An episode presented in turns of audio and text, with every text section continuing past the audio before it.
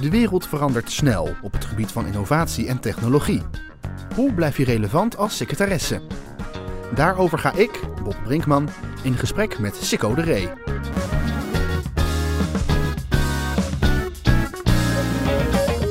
Sikko, Yes. welkom. Leuk dat je er bent. Ben jij toekomstbestendig? Ben ik toekomstbestendig? Dat is natuurlijk een vrij breed begrip. Eh, ben ik toekomstbestendig? Ja, ik denk het wel. Ik ben in ieder geval heel veel bezig met de toekomst. Dat is eh, dagelijks. Eh, het is ook de basis van het werk wat ik doe. En ehm, ik denk dat ik daar helemaal klaar voor ben en dat ik nog heel veel toe kan voegen naast robotisering en automatisering. Ja, voor, want voor de luisteraar, wat voor werk doe jij? Ik ben trainer en adviseur. Dat doe ik voor mezelf, eigen bedrijf. En eh, de basis van mijn werk is toekomst van werk en duurzame inzetbaarheid. Dus hoe kan ik ervoor zorgen dat bepaalde doelgroepen aan het werk kunnen blijven en van toegevoegde waarde blijven. Ja. En eh, eh, ja, nee, dat is wat ik bedoel. Ja. Ja, en dat is- lijkt me ook vooral interessant inderdaad voor de, voor de middengroep want van perspectief. Hè? De mensen die eigenlijk ook baantjes hebben die door robots kunnen worden overgenomen of dergelijke. Of niet? Nou, die zitten niet alleen in het midden. Nee? Nee, die zitten in alle lagen van de bevolking. Om je een voorbeeld te geven, eh, als je bijvoorbeeld kijkt naar eh, radiologen die eh, de röntgenfoto's uitlezen, die toch 8 tot 12 jaar hebben gestudeerd. Eh, de computers zijn nu al beter in het diagnosticeren van de ziektes dan de radiologen zelf. Betekent niet dat de radioloog geen toegevoegde waarde meer heeft. Die kan weer hele andere dingen. Ehm, maar als het gaat om sec de foto's checken, zeg ik, laat de robot het maar doen. Interessant. Nou, we gaan het hier de komende 20 minuten uitgebreid over hebben. Over toekomstbestendigheid. Hè? Hoe hou je jezelf... Ja, eh, hoe hou je jezelf nuttig? Ja, van toegevoegde waarde. zeg Hoe hou je jezelf van toegevoegde waarde? Ja. Dat is het woord wat ik zocht. Dus hier gaan we de komende 20 minuten uitgebreid over hebben. Hoe hou je jezelf van toegevoegde waarde? Maar dat doen we niet met z'n tweetjes. Dat gaan we met z'n drieën doen. Er zit namelijk een, eh, een deskundige aan mijn zijde. Een assistant uit het werkveld. Simone van Gerben. Simone, welkom. Dankjewel. Ben jij eigenlijk bang dat, dat, dat, dat jij wordt overgenomen door, door, een, door een robot, door een computer in jouw werk?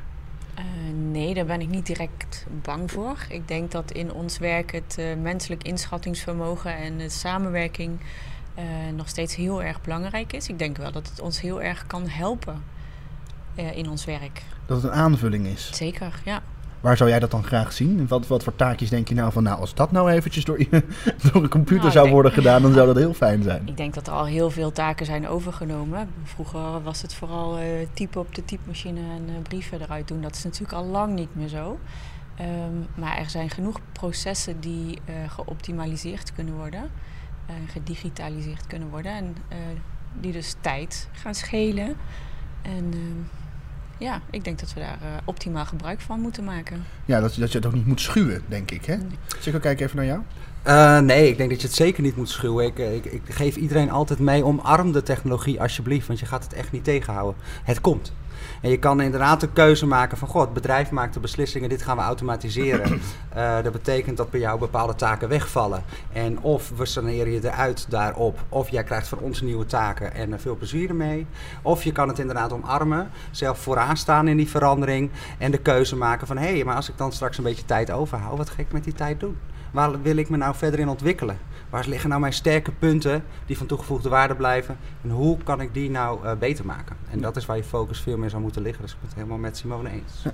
En dat klinkt inderdaad wel heel mooi, maar ja, ik kan ook begrijpen dat, dat je in een, in je eerste reactie misschien, als je kijkt naar de toekomst, hè, de, de snel veranderende wereld van technologie, van dat allemaal, dat het ook, dat, dat misschien je eerste gedachte is angst.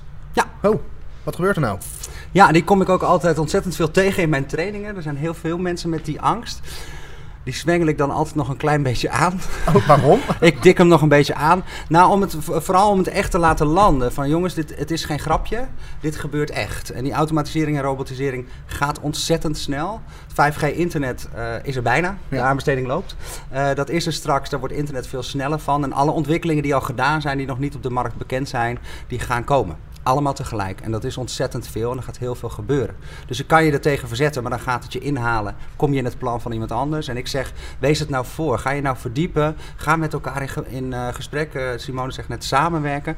Een van de belangrijkste competenties van de toekomst. Eh, hou elkaar op de hoogte. Ga het samen doen. Ga samen kijken. Hey, dit gebeurt er. Deze taken vinden wij inderdaad minder leuk. Laten we die gaan automatiseren. En gaan we zelf nadenken over hoe we dat weer verder in gaan vullen. Dat is dus de key om toekomstbestendig te blijven, volgens jou.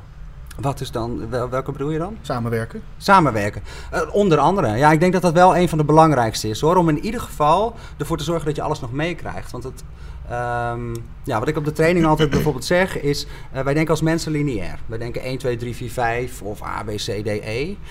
Die ontwikkelingen gaan exponentieel. De technologische ontwikkelingen. 1, 2, 4, 8, 16.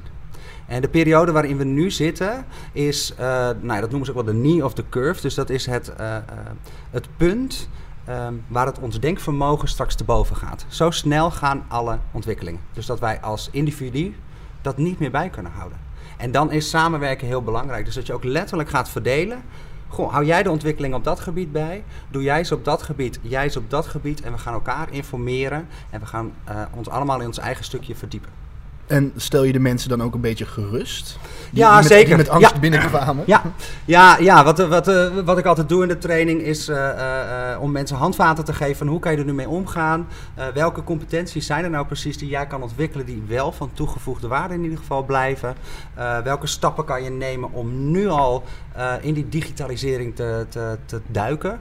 Ehm, en dat dan wel gelinkt aan het secretariële vak. Ja. Dus wat past bij jou? Welke competenties eh, ken ik al van over het algemeen in secretariële functies? En waar zou je dan op in kunnen spelen? Vertel eens, wel- welke stappen zou een assistant kunnen zetten? Nou, als je nu bijvoorbeeld kijkt naar IT, eh, ehm, eh, de ontwikkelingen die er komen, software die geïmplementeerd wordt, is bijvoorbeeld het kopje user adoption heel erg belangrijk.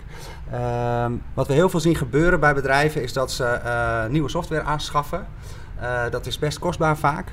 Dan droppen ze dat op de werkvloer en dan zeggen ze, nou, heel veel succes ermee, we hebben een nieuw programma. Nou, dan heb je een hele groep mensen die daar helemaal niks van moet weten, die er ook absoluut niks mee gaat doen.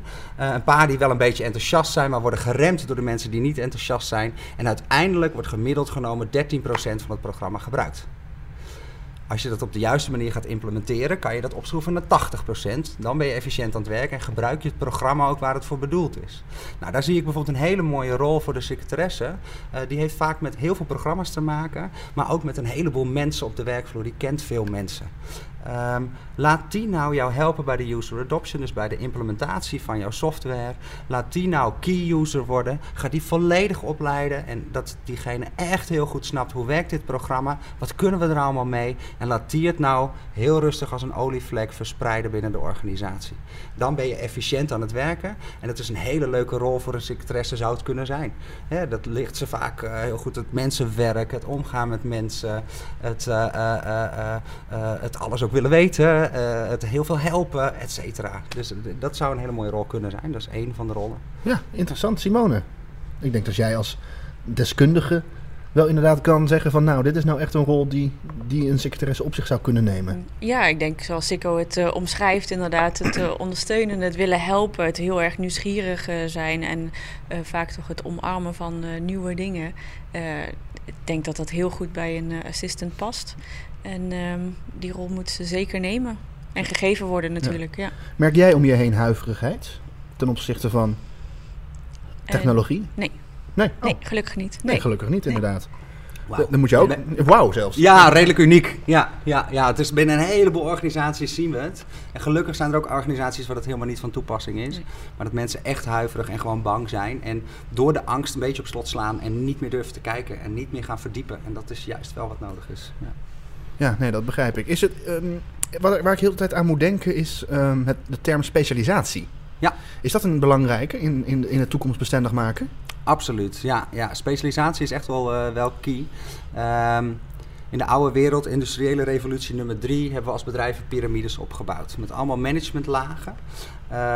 Als je dan op de werkvloer bijvoorbeeld een eh, eh, idee had, dan kostte het zoveel tijd om dat erdoor te krijgen.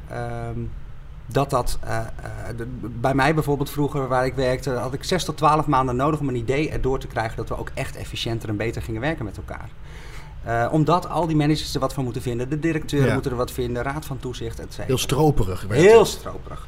In nieuwe organisaties zien we dat die veel platter worden. Dat er veel meer lagen uitgaan. Dat we veel meer op projectbasis gaan werken. Dat de werkvloer veel meer gelijk is. En dat we sneller door kunnen voeren. Maar in die organisaties is het wel heel erg van belang dat je een specialisatie hebt. En dat je in ieder geval weet, wat is mijn toegevoegde waarde en waar ben ik nu heel goed in. En waar mensen dat heel vaak eh, specialisatie aan linken is aan vaardigheden. Van goh, we moeten straks allemaal bioloog worden of iets dergelijks. En dat is het niet. Je kan juist ook specialist worden op competenties. Eh, bijvoorbeeld de mensgerichtheid die jij ook beaamt, die heel veel secretaresses ook bezitten. Als je dat nou nog beter kan maken, blijf je van toegevoegde waarde. Want in projecten is het straks juist heel belangrijk dat er ook iemand bij zit die in de gaten houdt hoe gaat het met iedereen. Zit iedereen nog lekker in zijn vel? Hé, hey, ik zie aan diegene dat hij zijn ogen draait. Hier gebeurt iets, daar moet ik even op inhaken. Die coachende rol er heel erg in. Wordt straks een hele belangrijke en juist daar ook kun je op doorontwikkelen. Heeft iedereen, is misschien wat zwart gedacht, maar heeft iedereen een, wel een specialisatie in zich? Ja, absoluut. Want iedereen heeft talent. Iedereen heeft talent voor iets. Je moet alleen ontdekken wat het is. En heel vaak ligt dat veel dichterbij dan je denkt. Uh, ik geef in training ook vaak uh, de, een aantal tips die je kan gebruiken. Maar het is bijvoorbeeld al als jij een, bla, een, een, blad aan het lezen bent, waar wordt jouw aandacht altijd naartoe getrokken? Blijkbaar ligt daar jouw interesse, vind je dat interessant. Waarvoor word je altijd geprezen? De mensen op de werkvloer, waar prijzen die jou voor? Maar ook je ouders vroeger, waar prezen die jou voor? Um, wat zijn de taken die je altijd gelijk oppakt als ze op de werkvloer komen? Blijkbaar zit daar iets wat jou triggert, waar je enthousiast van wordt, waar dus een bepaald van nature talent van jou ligt. Nou, als je die zaken gaat ontwikkelen en voor jezelf gaat uitkristalliseren, ja, dan kan je echt van toegevoegde waarde zijn en dan kan je jezelf ook op die manier verkopen. En dan ga je vaak hele uh, andere stappen kan je bijvoorbeeld nemen binnen de organisatie. Wat zijn de reacties van die trainingen? Uh, ik, kan me, ik, kan, ik, ik, kan me voorstellen dat mensen naar buiten komen met een, een, een, een wereld is ineens open gegaan. Ja.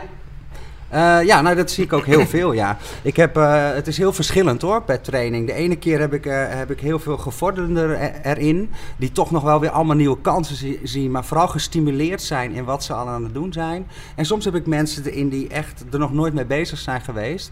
En daar gaat inderdaad een wereld voor open. En ik weet, ik ben iemand die heel graag ook praat en graag heel veel informatie geeft. Dus het is voor de dames soms best wel veel.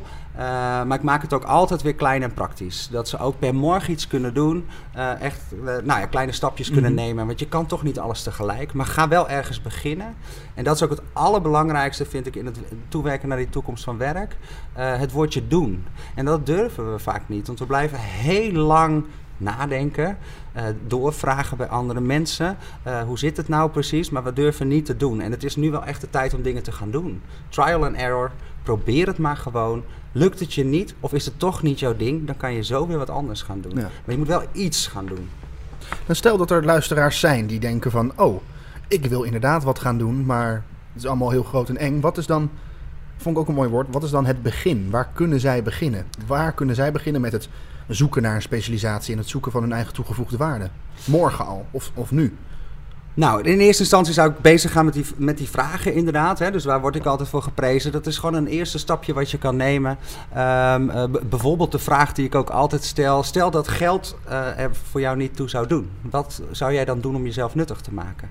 Dan ga je dus echt kijken naar wat is mijn basis? En waar geniet ik van? Wat vind ik belangrijk? Wat vind ik mooi? En hoe vertaalt zich dat nou naar, naar mijn werk? Want vaak zijn dat grote termen. Bijvoorbeeld ik wil graag zorgen of ik wil helpen. Oké, maar wat hangt er allemaal onder? En hoe kan je dat linken naar je werk, ga je daar nou eens eerst in verdiepen. Hoe kan ik daar beter in worden? Ik denk dat dat eerste stappen zouden kunnen zijn. Maar wat je bijvoorbeeld ook kan doen als je het allemaal spannend vindt en niet weet waar je moet beginnen, is bijvoorbeeld een persoonlijkheidstest. Ga maar eens kijken wat er uitkomt. Herken ik mezelf daar ook in? En zou ik daarin kunnen ontwikkelen wat daar als hoogste punten uitkomen? Dat zijn allemaal opties die je zo kan doen. Ja. Simone, heb jij je gespecialiseerd of ben je jezelf aan het specialiseren? ik, um, nou, ik, ik, denk aan wat Sikko zegt. Hè. Kijk eens, uh, denk eens wat je graag zou willen doen als je er niet betaald voor zou krijgen. Dat is wel. Uh, daar moet je dat is een goede vraag. Ja, dat is inderdaad een goede vraag. Want uh, wat je zegt, komt al snel ontzorgen. Hè, maar dat hoort een beetje bij, um, bij onze functie, denk ik. Maar ga daar maar eens over nadenken wat dat dan inhoudt. Misschien dat het ook helpt om, um, om daarover met je collega's te praten. Um, maar specialis nou, ik denk dat ik nu uh, mezelf wel een beetje specialiseer in inderdaad innovatie. Wat kan ons helpen in het, maken, in het ma makkelijker maken van bepaalde processen bij ons op het secretariaat? Um, ja, dus uh, innovatie en uh, procesverbetering vind ik wel heel leuk om op te pakken. En daar, daar zijn wij nu wel heel erg mee bezig. Dus dat is dan nu mijn specialisatie. Ja heel goed. En in de, in de, nou ja, en in, in, in de baan zelf is denk ik inderdaad ontzorgen wel uh, iets mm. wat ik heel erg leuk vind. Uh, proactief zijn in uh, het voorzijn van, van de vraag, zeg maar. Ja, nou Sikko, jouw ogen zijn aan het twinkelen volgens mij. Ja, ik word, ik word er blij van als ik dat soort verhalen hoor. En mensen die er ook echt mee bezig zijn, die met innovatie bezig zijn, wat voor elk bedrijf gewoon ontzettend belangrijk is. Uh, we weten in deze tijd niet waar onze concurrenten vandaan komen. Uh, twee, twee start-ups per dag. Elke dag komen er nieuwe bedrijven bij. Eén op de drie overleeft het. We hebben geen idee meer, dus we moeten innoveren. We moeten onszelf blijven herontdekken. Ja, en dat jij hiermee bezig bent, vind ik gewoon, Simone wijs ik dan aan in dit geval. maar vind ik gewoon super gaaf. Vind, Daar word ik heel blij van dat je, dat je dat al doet en dat je die stap durft te nemen. Dus op, ons, op ons gebied, hè? Op het gebied van de secretaresse. Supergoed, ja. dat is supergoed. Je bent jezelf aan het herontdekken en dan blijf je dus ook van toegevoegde waarde, want je brengt steeds nieuwe dingen. Je gaat organisaties verrassen, je gaat degene, de mensen die je ondersteunt, die ga je begeleiden, die ga je laten zien van hé, hey, dit is nieuw, dit kan beter, zo kunnen we jullie nog beter helpen. Ja, ik zou daar heel blij van worden als bedrijf. Heb je ooit zo doorgehad, Simone, dat je zo goed bezig bent eigenlijk? nee. nee, ja, uh, nee. Uh, maar we gaan uh, elke dag met plezier naar ons werk en we hebben gewoon een heel leuk team. En daar spat de energie van af. Dus ja, ik denk dat dat wel het bewijs is dat je goed bezig bent. En het wordt omarmd door onze directie, de, ja. de aanvragen die we doen. dus dat is heel leuk. Ja. Wanneer ben jij hiermee bezig gegaan eigenlijk, met de toekomstbestendigheid? Wanneer had jij door, Sikko, voor het eerst van... maar dit ga ik de, de wereld inbrengen. Ja. Dit ga ik leren aan als assistants, aan secretaresses, aan... Ja, dat is uh, drieënhalf jaar geleden, denk ik. Ik heb altijd bij een uitzendbureau gewerkt. En daar zat ik op een onderdeel die zich uh, uiteindelijk specialiseerde ook in, uh, in, in secretaresses, in assistants. En daar ben ik trainer geworden van de Academy. En uh, daar heb ik het geleerd, het vak. Uh, en uh, ik had altijd de interesse al wel in wat kan er allemaal. En het moest ook voor mijn werk, dat hoorde er ook bij, dus dat vond ik ook leuk. Um, en toen is dat alleen maar gegroeid en heb ik steeds meer interesse ervoor gekregen. En, en ja, zie ik, kom ik nu overal tegen. Ja. En ik vind het leuk, want ik zie dat ik het verschil, een verschil kan maken bij mensen. En dat is wat mij voldoening geeft. Ja. Ik krijg heel veel reactie dat mensen ook echt aan de slag zijn. En dat vind ik het leuk. Ja. Dat is wat ik. Uh... Hey, je, je, maakt de, uh, de toekomst ook heel rooskleurig, merk ik al. In deze korte, Zo zie ik het ook. In deze korte 20 minuten. Maar is er nou echt niks waar uh, assistants echt voor, misschien voor moeten huiveren, als je heel eerlijk bent? Um, ik denk dat, eh, dat, dat de mensheid wel een beetje moet huiveren voor sommige ontwikkelingen. Dat denk ik wel. Ik bedoel, de, de ontwikkeling van uh, cybercriminaliteit gaat net zo hard als de ontwikkeling in het algemeen. Dus dat is een gevaar. Maar ook war machines worden steeds meer ontwikkeld die zelf na kunnen denken. Ja, dat zijn best wel spannende stappen. Dat zie ik ook wel. Mm -hmm. En voor assistants natuurlijk ook. Alleen ik denk niet dat je er huiverig voor moet zijn. Er gaan taken overgenomen worden. Ik doe meestal een lijstje in de training waar ik uh, de repetitieve taken laat opschrijven door alle secretaresses. Wat doe je nou wat vaker terugkomt? Dus elke één keer in de, uh, per dag of per week of per maand. Uh, en uiteindelijk staan overal vinkjes achter wat kunstmatige intelligentie over kan nemen. Dat is super confronterend. Want dat is mijn baan en alles kan worden overgenomen. Dus ja, ik kan me voorstellen dat dat niet leuk is om dat te zien. Uh, maar het is wel de realiteit. En ik zeg ook altijd, het is niet allemaal per morgen. Het hangt ook van je organisatie af, hoe snel zijn die. Maar ga nou alsjeblieft zelf vooraan staan dat jij je keuzes kan maken van wat wil ik automatiseren en vooral wat wil ik met de tijd doen die overblijft straks. Jouw specialisatie, daar moet je dan op insteken. Ja, dus huiverig, ja, deels wel, uh, maar omarm het gewoon alsjeblieft. Ja. Tot slot, Sikko. Wat had jij gedaan als je er niet voor betaald zou krijgen? ja, dat is een hele goede vraag. Um, ik denk dat ik nog steeds mensen dingen had geleerd. Dat is mij ook met de paplepel ingegoten. Mijn moeder die is ook onderwijzeres. Dus dat had ik denk ik wel gedaan. Um, had ik denk ik de keuze gemaakt om dat met kinderen te doen dat je de kinderen toekomstbestendig gemaakt. Maar ik vind onderwijs in Nederland niet goed, dus daarom kies ik daar niet voor en doe ik het liever zelf. En dan ga ik dus volwassenen onderwijs geven. Ja. Tof. Secco de Ree, dankjewel. Simone van Gerwen, dankjewel. Graag gedaan. Ja, ook bedankt. Doeg.